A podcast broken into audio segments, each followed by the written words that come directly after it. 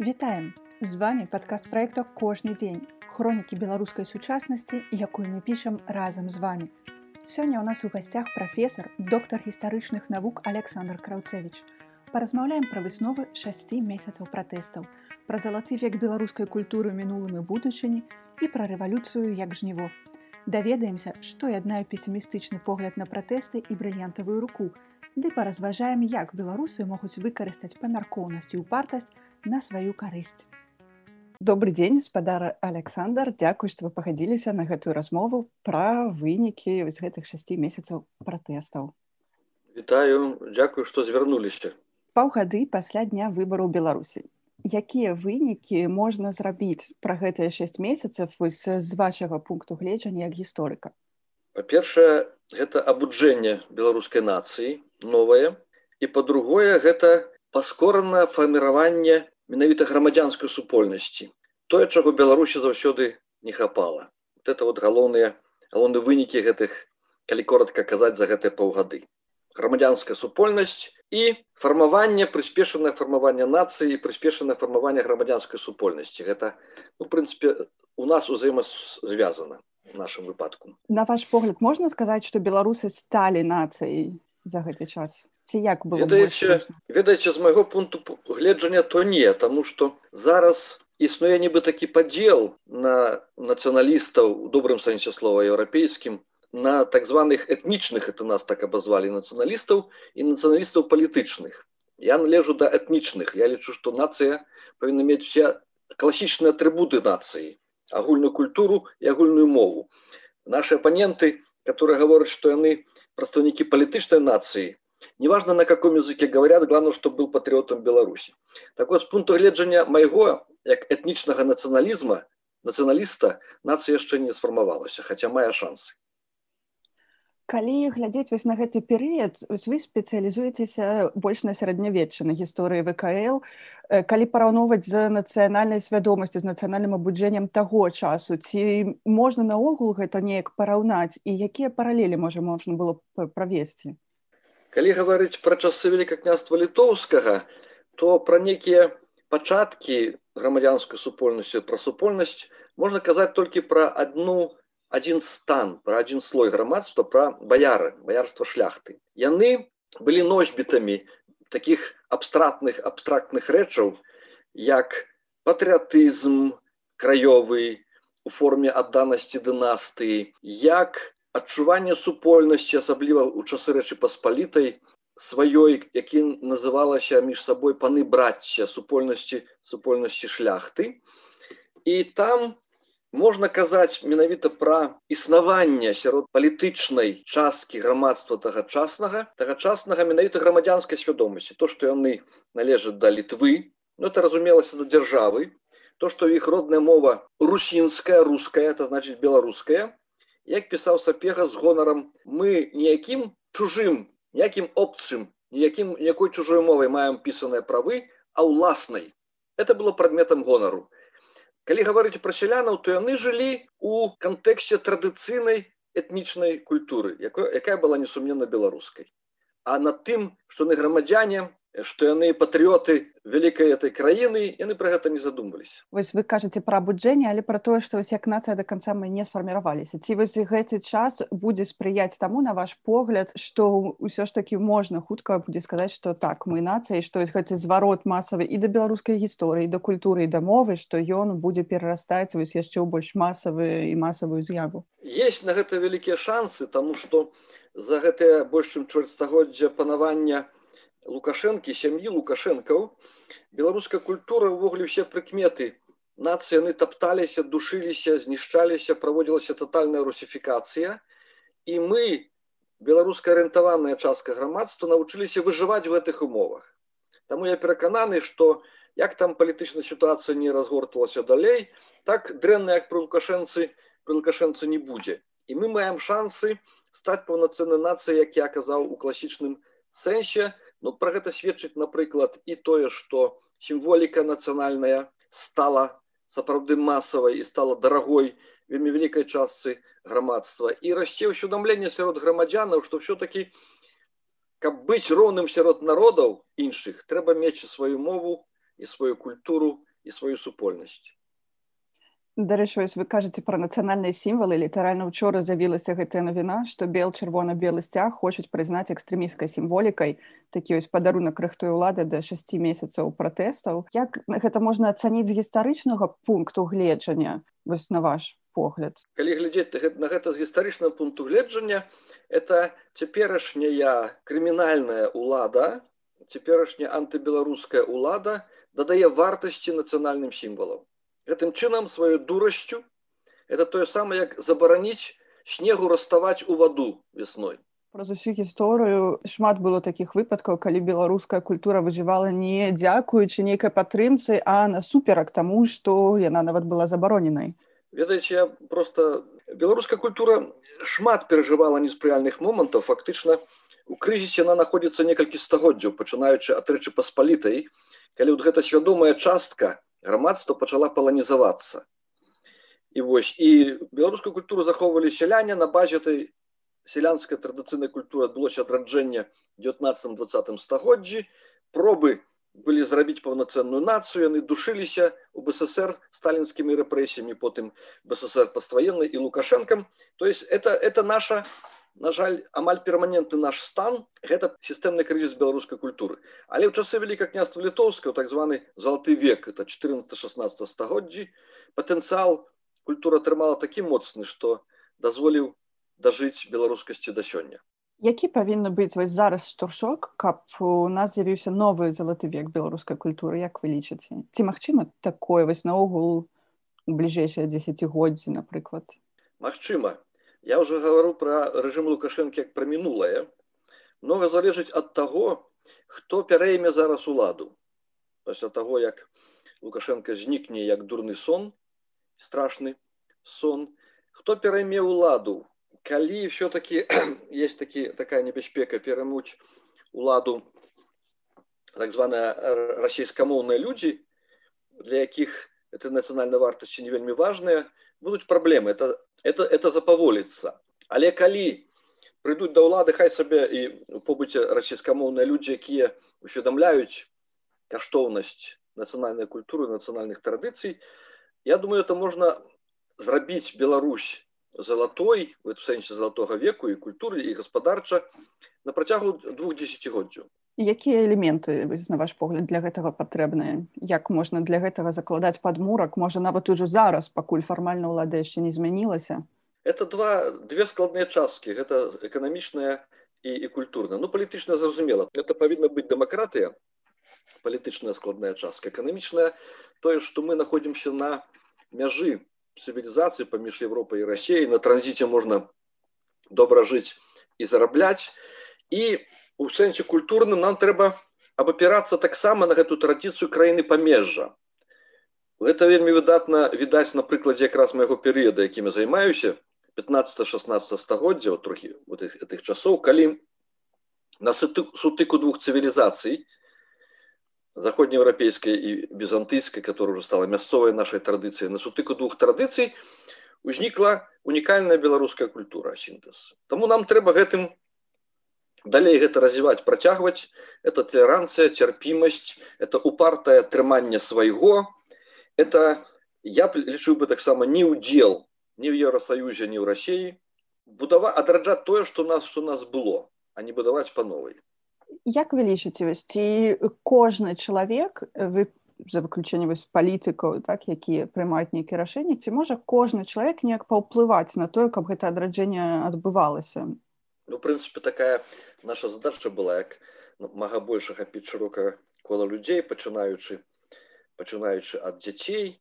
В гэтым плане вельмі важна калі вы гаворыце пра ахоп кожнага чалавека вельмі важна сістэма адукацыі. Вот не не выпадкова у беларусі знішчалася найперш беларуская школа. Вот у 50 гады до 60 гадоў не, не засталося ў горадзе ні адной беларускай школы. Калі прыйшоў лукашенко была парушана сістэмнасць адукацыі вёсках асталіся беларускія школы але ў гарадах вНУ няма магчымасці атрымаць адукацыю по-беларуску Вось і і кожны чалавек на сваім месцы мой калега і сябра гарадзенскі юрыст ён дамогся што яго дзеці вучыліся по-беларуску у класе індывідуальна але колькі яму это каштавала. Можа зрабіць а най, найпрасцейшы спосаб зрабіць што-нибудь это напрыклад пачаць гаварыць по-беларуску з дзецьмі. Мне шчыра кажучы вялікі жаль выклікаюць запісныя беларускія патрыёты которые напрыклад со мной где-то гавораць по-беларуску адвернуцца да дзяцей сваіх і гавораць дзямі па-расейску это выклікае мяне вялікі жаль і я ад гэтых людзей адыхожу Як вы лічыце, можна сказаць, што беларусы масава неяк звярнуліся да сваёй гісторыі пачалі ёй цікавіцца больш вось, пасля 9 жніўня. Ці гэта нешта такое павярхоўнае, ці сапраўды ёсць такі нейкі феномен на ваш погляд? Увогуле ўзрост цікавасці да нацыянальнай гісторыі адбыўся пасля пачатку 90-х гадоў.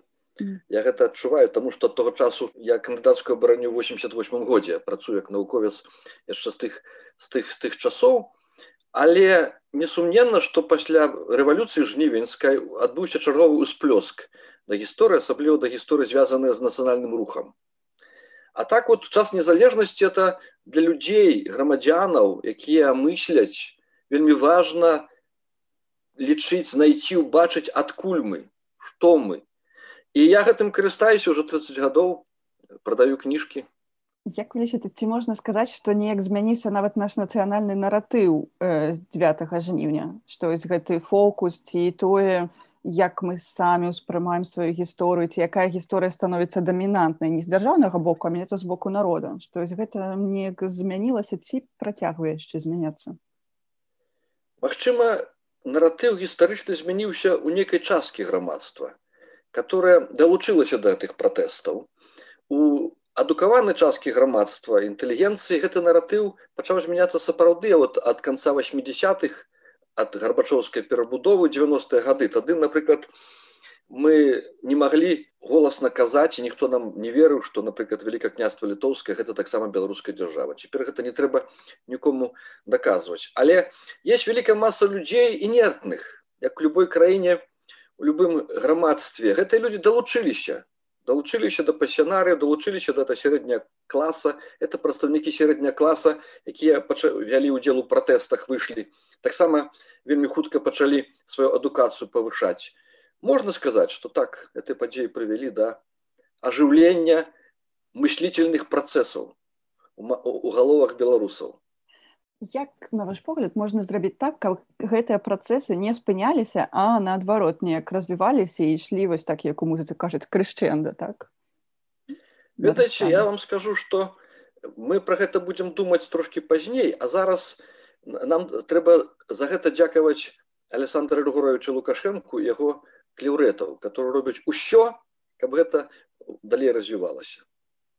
І гэтыя дурацкія забароны, нацыянальнай сімволікі і гэта прымус пісаць калектыўнае пісьмо супраць санкцый.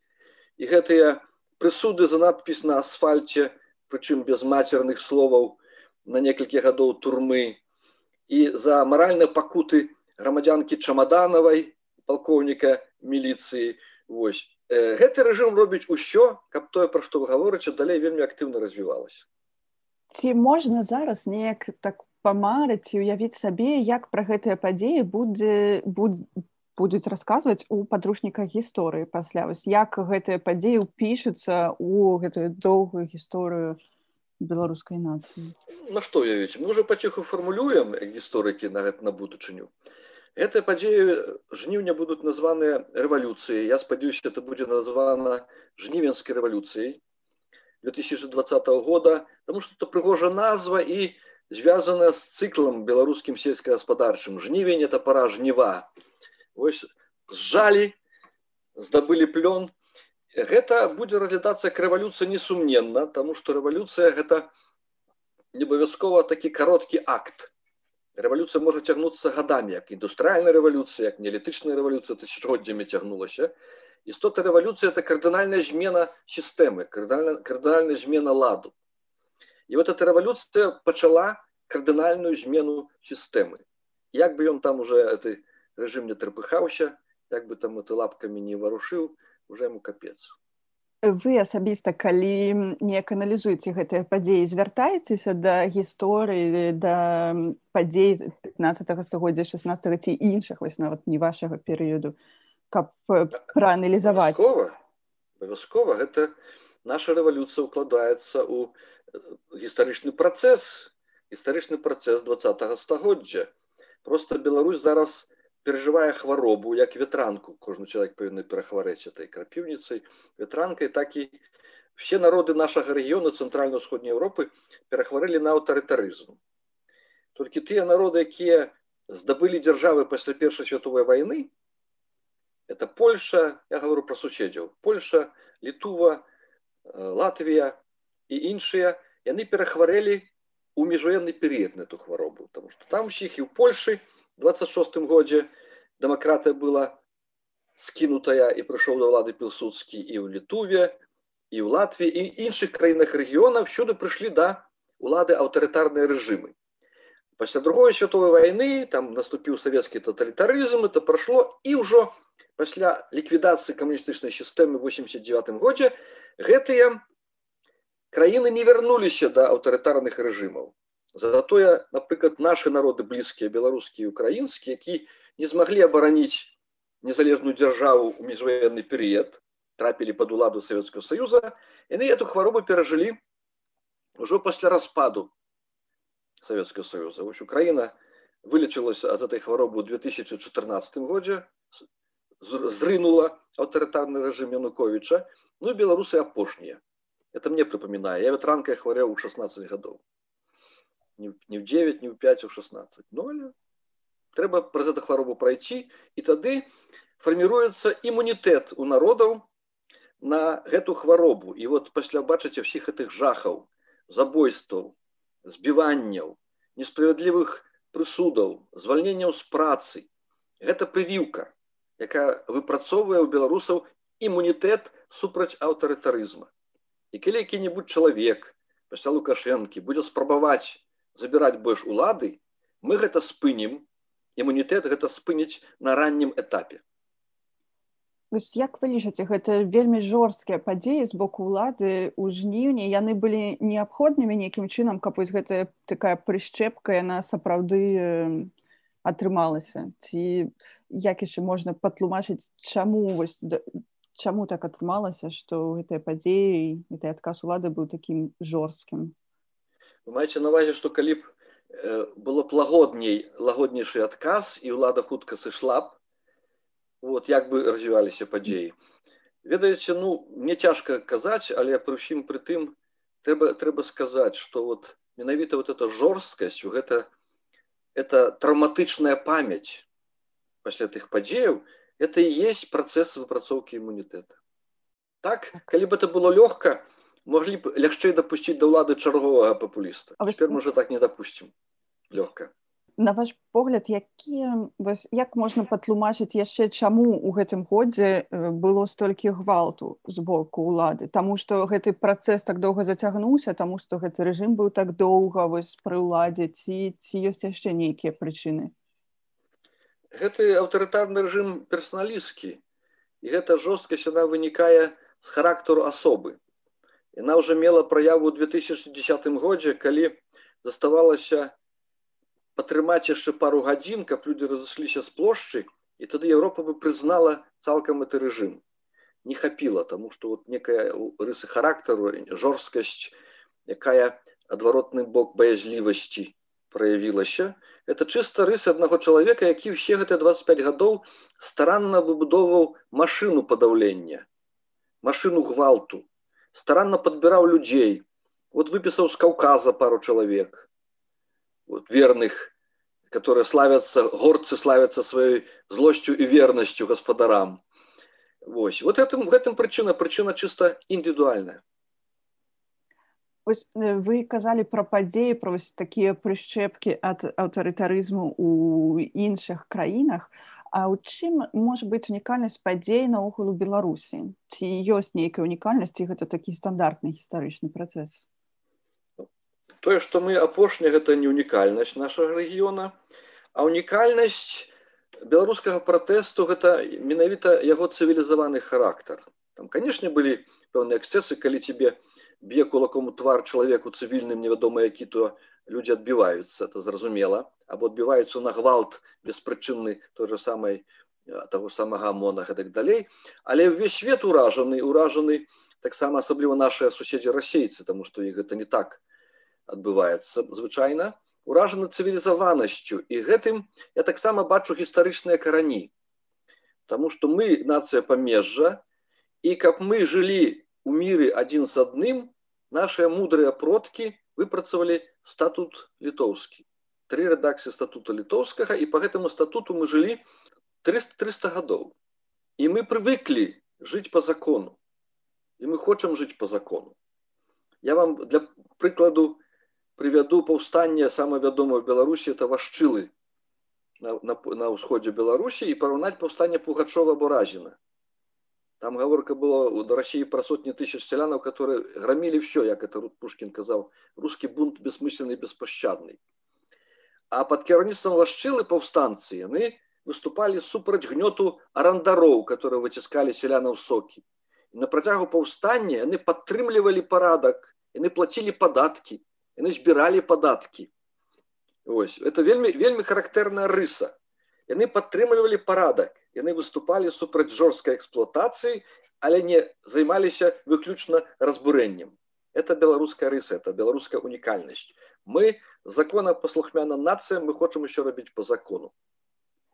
Гэта неяк падобна да таго што нават пры вялікіх мітынгах беларусы самі не кантралявалі рух э, машын і не пераходзілі ўсё ж такі дарогу ці стараліся і не пераходзіць вось на зялёнае святло ну нават былі выпадкі амон ідзе з дубінкамі і шчытамі калонай і спыняецца на чырвонае святло тоже тоже сярод іх шмат беларусаў і сярод іх таксама шмат людзей псіхічна нармальных вы таксама казалі вось пра гэтыя прыклады суседніх краін у адной са сваіх лекцый вы казалі пра тое што вельмі важна было б нам аднавіць падручнікі гісторыі не толькі беларусі але і па-свойму пераасэнсаваць падзеі ў суседніх краінах таксама бо мы зараз вучым гісторыю суседніх краін по таму па тым як яны самі яе напісалі але ў нас жа таксама ёсць з імі нейкія ўзаемадзеянні і таксама нейкі погляд які можа быць менавіта нашым то Вось наколькі такое пераасэнсаванне зараз магло б таксама нам дапамагчы вось на ваш погляд? Ці важна ці важна гэта ў сённяшнім працэсе? Это вельмі важно это калі народ нацыя усведамляе сябе суб'ектам гісторыі што мы тварылі сваю гісторыю. Нас з нас гэта ўвесь час выбівалі. Наши падручнікі пісалі ў Маскве з пункту гледжання рацыі стану расійскага народа. Вось што мы былі нейкім полем гноем аб'ектам уздзеяння то ли літувійскіх феадалаў то польскіх феадалаў то расійскіх дварян і гэтак далей а нацыя которая глядзіць на сябе як на суб'ект нас гэтага пункту гледжання глядзіце на суседні народ. Нам трэба выпрацоўваць свой погляд на гісторыю суседніх народаў гэта робіцца спробы робіцца у прыватнасці некалькі падручнікаў выпусцілі ў ліцэі коласа і па гісторыі рассеі планавалася па гісторыі краіны не зрабілася пока яшчэ па гісторыі там сярэднявечча па гісторыі іншых нейкіх тэмаў это это такая першая спроба. Я лічу ўжо трэба зараз уже пачынаць абвяшчаць вялікі конкурс і на стварэнне падручнікаў усіх узроўняў па гісторыі беларусі і таксама па гісторыі суседніх краінаў. Это вялікая праца. Это канешне калі з это возьмецца дзяржава і то гэта пойдзе хутчэй зараз гістарычна асабліва адукацыя яна страшэнна апушчаная па ўзроўню вельмі дрэнныя падручнікі вельмі дрэнна напісаныя моя дачка у десятым класе па грамадазнаўству да мяне прыходзіла з кніжкай в руках кажа тата давай ты памажы разабрацца я чытаў некалькі разоў абзац ну нібы доктор навук прафесор і не з першы разу мог зразумець што хацеў сказаць ты аўтар шмат арфаграфічных памылак дрэнна падаецца матэрыял. Ввогуле дэградацыя. Дэградацыя асабліва пры гэтым апошнім этым міністры камунісце вось это дэградацыя вельмі выразная. Чаму так адбываецца? Бо ў беларусі ёсць жа шмат добрых навукоўцаў. Просто да іх не звяртаецца ўлада вось за гэтай дапамогай ці іншыя ёсць нейкія прычыны?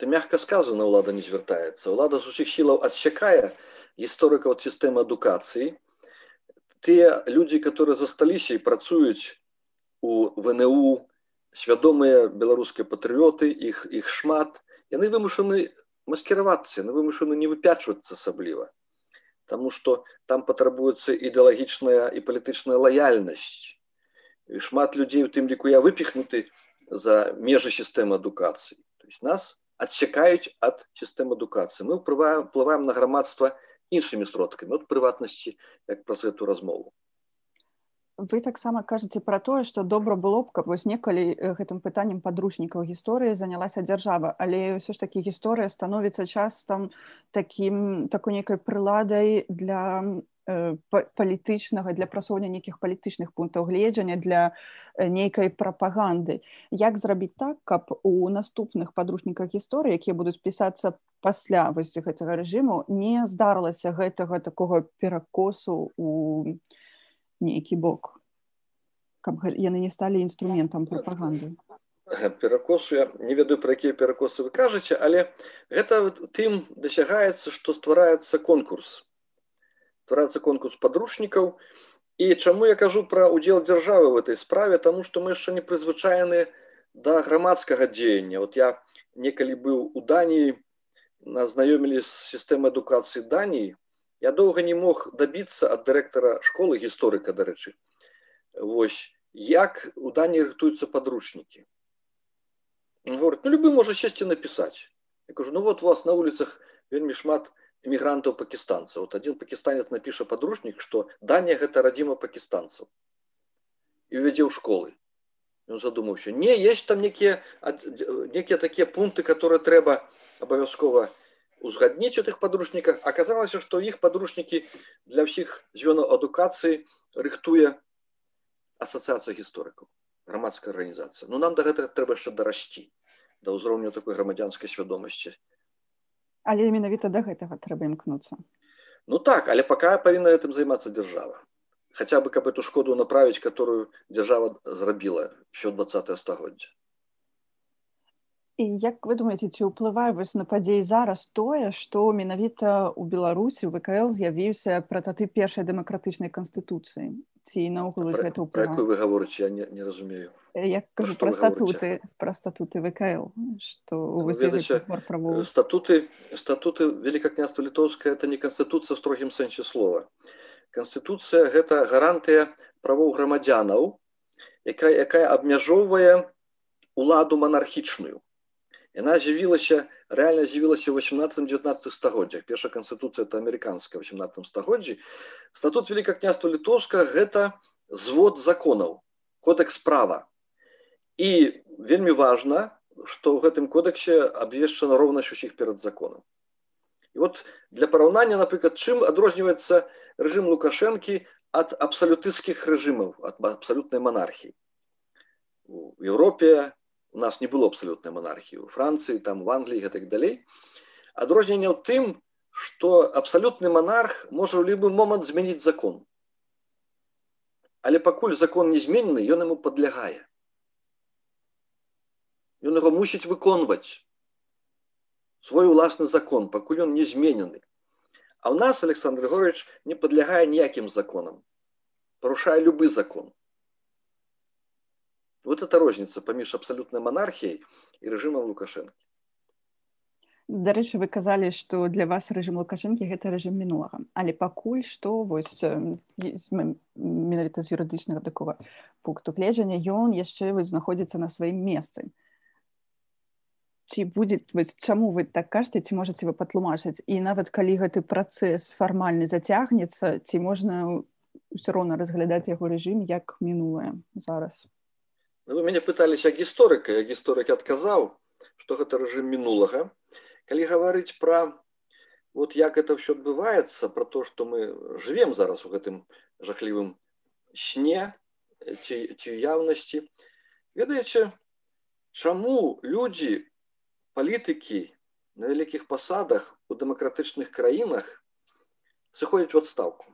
Таму что чым далей ты будешь працягваць заставацца на сваёй пасадзе пасля пэўнай мяжы ты больш шансаў трапіць у турму і таму людзі ў дэмакратычных краінах гэта запабягаюць яны раней сыходзяць добраахвотную адстаўку каб астацца на волі это так упрошчана упрошчана кажуць Вось і гэта упартасць александра рыгуровича кожны дзень яго этой упартасці трымання як ён кажа я не трымаюся пасінелымі пальцамі трымаецца пасінелымі пальцамі за ўладу набліжае на жаль яго да турмы. Ён просто гэта не разумее. У сілу сваёй абмежаванасці у сілу сваёй недукаванасці у сілу свайго даволі нізкага інтэлектуальнага ўзроўня што кожны дзень яго ў партасці набліжае да нехарошага канца. Але вось пры нейкім песімістычным сцэнарыі ўсё ж такі гэты пераход ён можа цягнуцца яшчэ нейкі час. Ведаеце я не бяруся гаварыць канкрэтна пра месяцы але я бяруся казаць пра тое што ён абавязкова кончыцца поспехам таму што надта шмат чыннікаў збеглася па-першае беларускае грамадства зразумела што оно можа ўплываць на сітуацыю што можа яно можа змяніць уладу. По-другое самае галоўнае чаму гэты рэжым так доўга трымаўся таму што даволі значная частка беларусаў маса беларусаў была згодная цярпець адсутнасць дэмакратыі за гарантыі некага матэрыяльнага дабрабыту за гарантыі ўзроўня жыцця. І зараз этой гарантыі няма. І шансы на паляпшэнне або нават падтрымання яшчэ два, два гады назад таго ўзроўня жыцця які быў два гады назад шансу на гэта няма. І агульнасвятовы крызіс і эканамічныя санкцыі і сумнівы наконт новай дапамогі з рассеі рассеі можа быць не да гэтага. І наяўнасць вялікіх прамысловых прадпрыемстваў яшчэ ад часоў савецкага саюза десяткамі тысяч рабочых. Ці надоўга хопіць грошай каб іх карміць за бясплатна? Вось. То есть вельмі шмат чыннікаў збягаецца на тое што гэты рэжым кончаны. І людзі галоўна ведаюць што можна яго змяніць. Вось вот это вельмі важны працэс который адбыўся. І таму ў гэтыя жорсткасці что зараз адбываецца я ўжо паўтаруся гэта набліжае только. Это это спрыяе на таму каб это все скончылася хутчэй як удаецца захоўваць вось такі аптымізм тому что людзі шмат кажуць про тое что з часам гэта такі вялікі ўздым калі бачыш колькі людзей становіцца разам колькі людзей выходзіць ці нешта робіць не не толькі выходзіць але шмат ёсць іншай працы іншай дзейнасці але ўсё ж такі шмат беларусаў кажуць про тое што ёсць і іншыя такія станы калі наогул вось опускаюцца руки. Як у, у вас не опускаюцца руки кажаце з таким Я свядома працую на беларускую справу беларускай гістарыяграфіі на, на фармаванне беларускай нацыі уже больш трох десяткаў гадоў ведаеце і былі сітуацыі і горшыя і даводзілася працаваць і зараз вялікая надзея і песімістаў хапае без мяне як это я весь час вспоминаю калі чытаю нейкі такія заметкі я вспоминаю знакамітую савецкую камедыю брылянтава рука шеф все пропало! Шеф все пропало! Казадоя пробегал говорить тут нас таких шмат эмоциональных людей которые любят быть такими пророками упадку ось. Але як гісторык я бачу что нема таких чыннікаў которые бы доўгатэрмінова выцягнули это режим на паверхню і утрымалі гэта не мы не паўночная Корея. Ментальнасць людзей трохі трохі іншая акрамя того ось з 2015 года калі у атачэнне эканамічнае там прэзідэнта лукашэнкі тады яшчэ прэзідэнта можна было яго назваць яго змусіла да пэўнай лібералізацыі прыватнага бізнесу асабліва сферы паслуг вырасла цела праслойка сярэдняга класа не кажу ўжо пра інтэлігенцыю праслойка людзей которые прывыклі быць суб'ектамі гаспадарчымі которые самі сабе давалі рады і которые лепш ведаюць за лукашэнку якой павінна быць краіна і которые будуць за гэта змагацца Таму што ёсць што губляць ведаеце не толькі ў беларусі вообще Европе есть такая заканамернасць у паўстаннях сялянскіх таких самых вядомых не толькі сялянскіх паўстаннях удзельнічалі не самыя бедныя сяляне а заможныя сярэднезаможныя тыя кому было што губляць а бедныя сяляне балюмпены ў гарадах яны часто ішлі за тымі хто ім больш налье. Так вот это сярэдні клас які ведае вот это целая праслойка прыватных бізнесоўцаў якія ведаюць что такое это жыццё якія ведаюць як арганізаваць бізнес якія ведаюць як арганізаваць сваё жыццё якія паездзілі по свеце по Еўропе паглядзелі як што робіцца многія працавалі за мяжой і там вярнуліся або маюць сваякоў за мяжой это люди ведаюць лепш яны не спыняцца А что тады рабіць з тым што зараз шмат людзей вось з таго ж бізнесу ці нават з IT сектару яны ўсё ж такі з'язджаюць і разглядаюць вось гэты пераезд нават часовы і не разглядаюць яго як нейкі вымушаны пераезд. Але вось ці будзе гэта неяк уплываць таксама на тое як будуць развівацца падзеі Ну, на, на, на пагаршэнне эканамічнай сітуацыі это будзе ўплываць, але кожная сям'я, кожны чалавек мае індывідуальную стратэгію выжывання, Таму што ведаеце, калі ламаецца сістэма, нават сістэма дрэнная, на пачатку будзе горш. Калі паламаўся Савецкі Саюз, было горш. Але вопыт суседзяў тых жа палякаў вучыць, што гэту эканамічную рэформу эканамічна паляпшэнне можна сягнуць за пару гадоў. І вот этого шкада часу. Таму я лічу, што быць можа варта все-таки пацярпець зараз, каб потым хутчэй адрадзіцца. Чым, чым, чым вот цярпець некалькі гадоў, пака рэжым свае рэсурсы паступова праесці. Чым больш будзем цярпець, тым, тым больш будзем горш жыць вы казалі дарэчы што былі перыяды і паскладаней у апошнія 30 год у гісторыі беларусі вось вы пра савецкія частцы пра нейкія такія вельмі пэўныя нейкія з'явы ці пра пэўныя нейкія падзеі ну, калі адняць 30 гадоў это 90 год як раз распад савецкага саюза это якраз былі часы вялікай надзеі вялікага аптымізма мы хадзілі на дэманстрацыі крычалі міліцыя з народам и милиция так само показывала нам эти э, ротфронт, который, который с нами.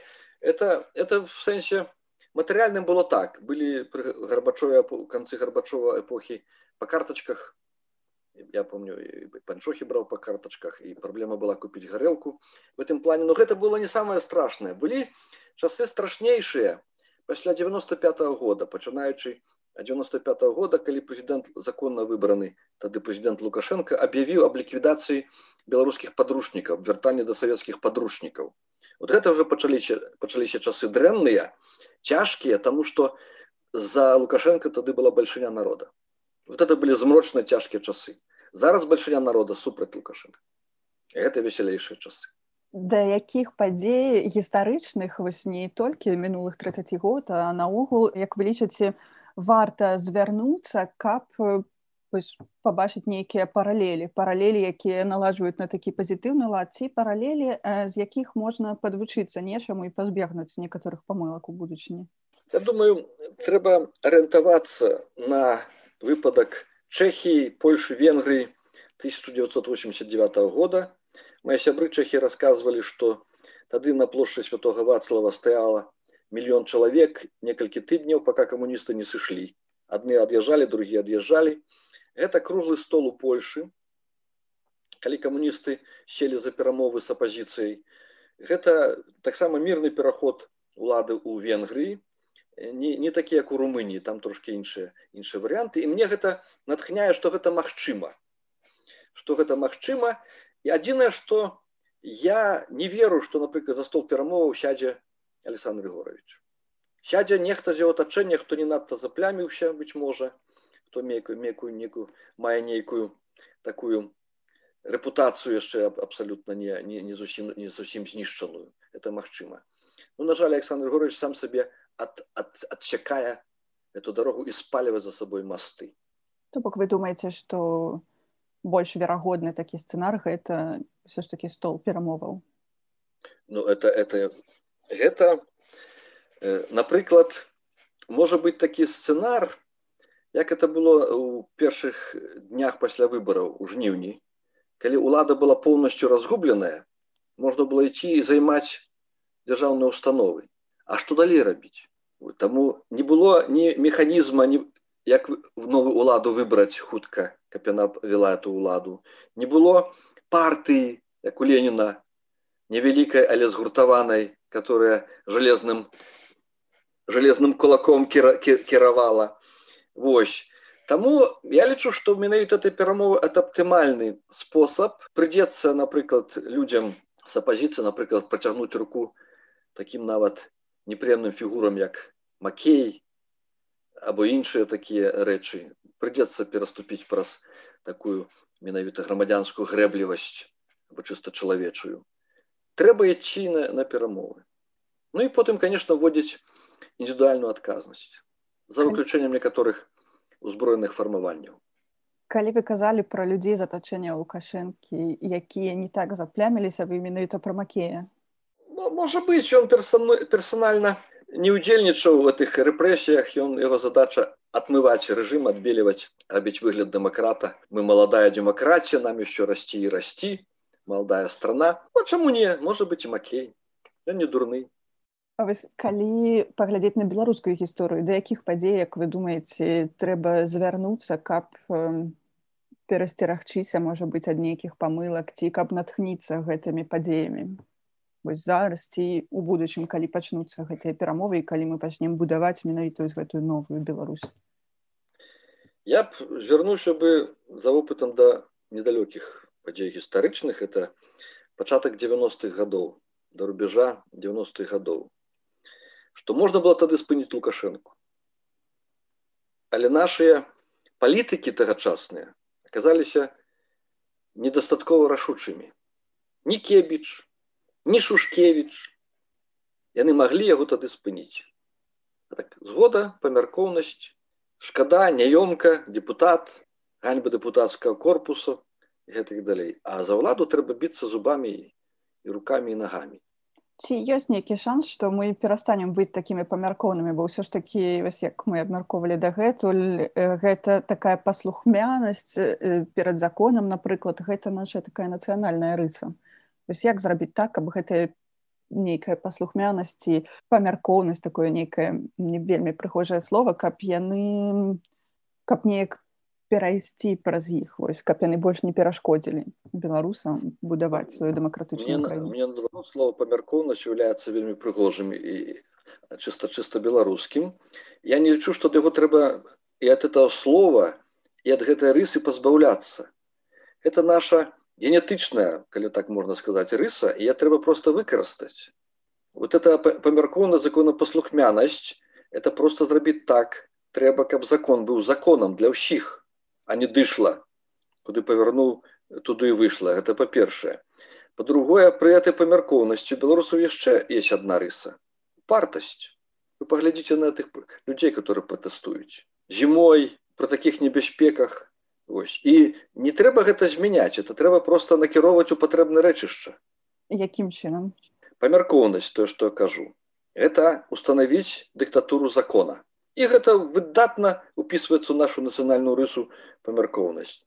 Упартасць это павярнуць эканамічнае рэчышча даць беларусам магчымасць зарабіць даць эканамічную волю яны сваёй працавітасцю упартасцю вельмі добра заробяць ці праўда што для беларуса можна сказаць што трэба каб дзяржава просто не перашкаджала людзям вось рабіць сваю справу і будаваць краіну. Гэта такое ёсць. Ну ва ўсім свеце дэмакратычным асабліва есть такая тэндэнцыя дэмакратычных краінах напрыклад кожны 20 гадоў на, нават найбольш дэмакратычных краін заходняй Еўропы адбываецца рэформа мясцовага самакіравання. І гэта ўсе рэформы маюць одну мэту як мага больш рашэнняў спіхнуць на людзей пазбыцца ад дзяржавы і спіхнуць на людзей бо яны лепш ведаюць як вырашаць свае мясцовыя праблемы. Это не, не, не адразу удавалася у польльше на пачатку напрыклад рэформа мясцовага самакіравання ішла цяжка. Там былі войты гмінаў которые сабе зарплату прызначалі вышэй чым міністры. Але казалася что все то адкрыта празрыста что кожны чалавек можа пракантраляваць фінансы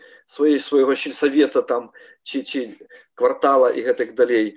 Что калі не вас не задавальняе кіраўнік трэба сабраць 200 подпісаў правесці рэферэндум аб яго адозве і і паступова гэта трэніруецца і сістэма ачышчэння вуліц сістэма прыборкі дамоў сістэма адукацыі сістэма дарожнай інфраструктуры. Все перакідваецца на мясцовую уладу як мага больш спіхваецца функцый з дзяржавы на людзей. Люди лепш найдут спосаб як этой праблемы вырашыць і сэканоміць на сваім подворку Ось. і гэтым гэтым трэба нам займацца.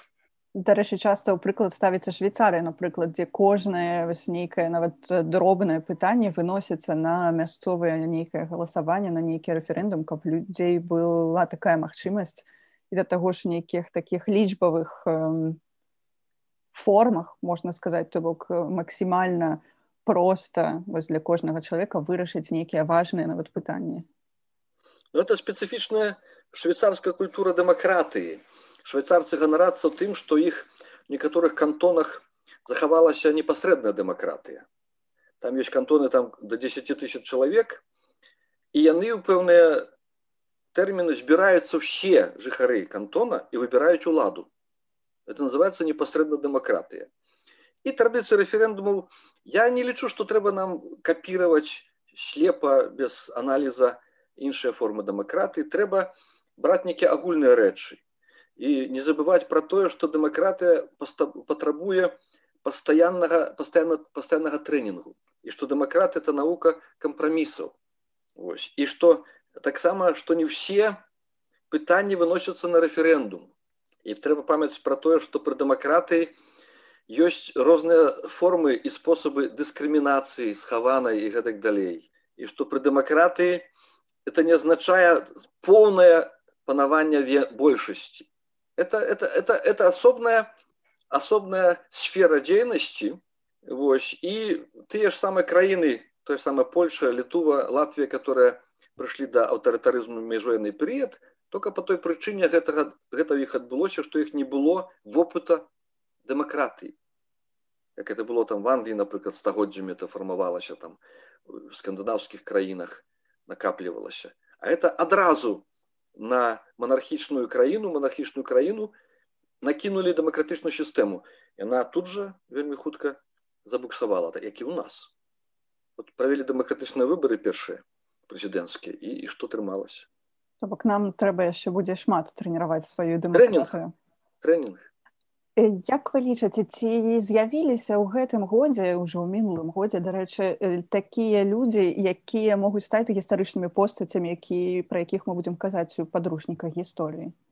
Ну, зразумела што некаторыя асобы яны ўжо пайшлі ў гісторыю прыватнасці супругі ціхановскія тому што эту падняў хвалю Сергей ціхановскі і подзвіг зрабіла Святлана ціхановская дарэчы вельмі усцешаны калі назіраю як яна расце як палітык грамадскі дзеяч пры тым што пазіцыянірую сябе хатня хатня гаспадыня.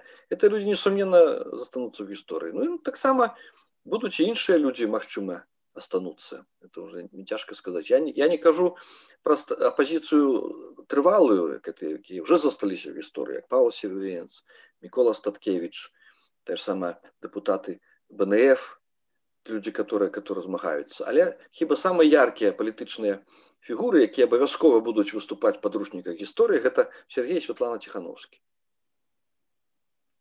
цікавае таксама ваше меркаванне як гісторыка тому что мы казалі вось размаўлялі пра падручнікі гісторыі. Наколькі ў іх будуць важныя нейкія персанальныя гісторыі розных людзей? Вось гэтыя маленькія гісторыі у вялікай Ну, это пропорция. Звычайно, в подручниках там не так шмат уделяется месца для, для особных людей. Это, это Владимиру Ильичу Ленину шмат уделялось. А при певные часы Сталину уделялось. И зараз Александру Григорьевичу шмат уделяется уваги. Будут некие характеристики вельми короткие этих, этих особов. В основном традиционно в подручниках некие процессы обугуляются. Вот. Но будут биографии писаться, само собой, как, как дополнение трэба нам глядзець як падручнікі пісаць іх трэба па новой пісаць падручнікі. Вось я напрыклад зараз пишу падручнік у цэнтры якога з'яўляецца тое што адбывалася з беларускай культуры на працягу стагоддзяў менавіта з этого пункту гледжання. І наколькі тая або іншая дзяржава в гісторыі беларусі гісторыі краіны спрыяла беларускай культуры. Напрыклад я лічу што некалькі дзяржаваў можно назвать белорусскими в истории, коли вас отчекают, могу рассказать. Конечно. Потому что с этого критерия, глядячи, сприяння белорусской культуры, можно два вида сприяння белорусской культуры. Это субъектное, когда держава, например, БССР 24-1924-1929 год, свядома проводилась политика белорусизации, або Республика Беларусь – это первый чатыры гады незалежнасці да прыходу лукашэнкі была палітыка беларусізацыя спрыяння культуры закон аб мовах і так далей это так звана суб'ектна свядома спрыяння а былі гісторыі краіны дзяржавы якія аб'ектыўна спрыялі беларускай культуры это полацкае княства туровское княство то есть яны жылі этой культурай яны не мелі на мэтай уплываць на эту культуру змяняць аб'ектыўна дзякуй чым культура беларуска развівалася тое самае вялікім княстве літоўскім само існаванне дзейнасць эта дзяржаўная арганізацыя спрыяла развіццю беларускай культуры. Ну потым рэчы паспалітай это уже было неспрыянне там была на першым месцы польская культура польская мова і пры расійскай імперыі таксама неспрыяння то есть другая рэч першая рэч паспаліта так званая расійская імперыя гэта іх нельга назваць беларускімі дзяржавамі Пэўна все такія пытанні задалі. Можа быть мы забыліся пра нешта важнае вас пытаць што ў гэтым кантэксце вось падвядзення вынікаў да 9 лютага што вы хацелі б сказаць што вы хацелі б дадаць? Ну, э, паколькі размова са мной як, як гісторыкам я на заканчэнню нашай размовы хацеў бы сказаць у тое што я веру у гістарычны працэс у прагрэсы. Я веру не ў няўхіднасць гістарычнага працэсу веру ў пераход колькасці ў якасць. І калі гаварыць канкрэтна пра сённяшнюю Беларусь колькасць розных здарэнняў чыннікаў фактараў колькасць людзей якія ўдзельнічаюць в выдарэннях ужо вельмі імкліва пераходзіць у якасць. І скоро мы гэту новую якасць убачым новую Беларусь Дзякую вам вялікі за Ну, я- пазітыўнае я грашу якраз літаратура я ся- сябра созу пісьменнікаў там так люблю такія лі- літаратурныя канцоўкі Я думаю што атрымалася вельмі прыгожа і таксама вельмі пазітыўна што вельмі важна для нас усіх зараз. Таму дзякую вам вялікі за гэтую размову вам дзякую З вами быў падкаст проекта кожны дзень. Чытайце хроніку беларускіх падзей на беларусдэлі кропка орг ды падпісвайцеся на нашыя соцсеткі, каб першымі даведвацца пра навіны праекту. Пішыце нам, каго хацелі пачуць у новых падкастах.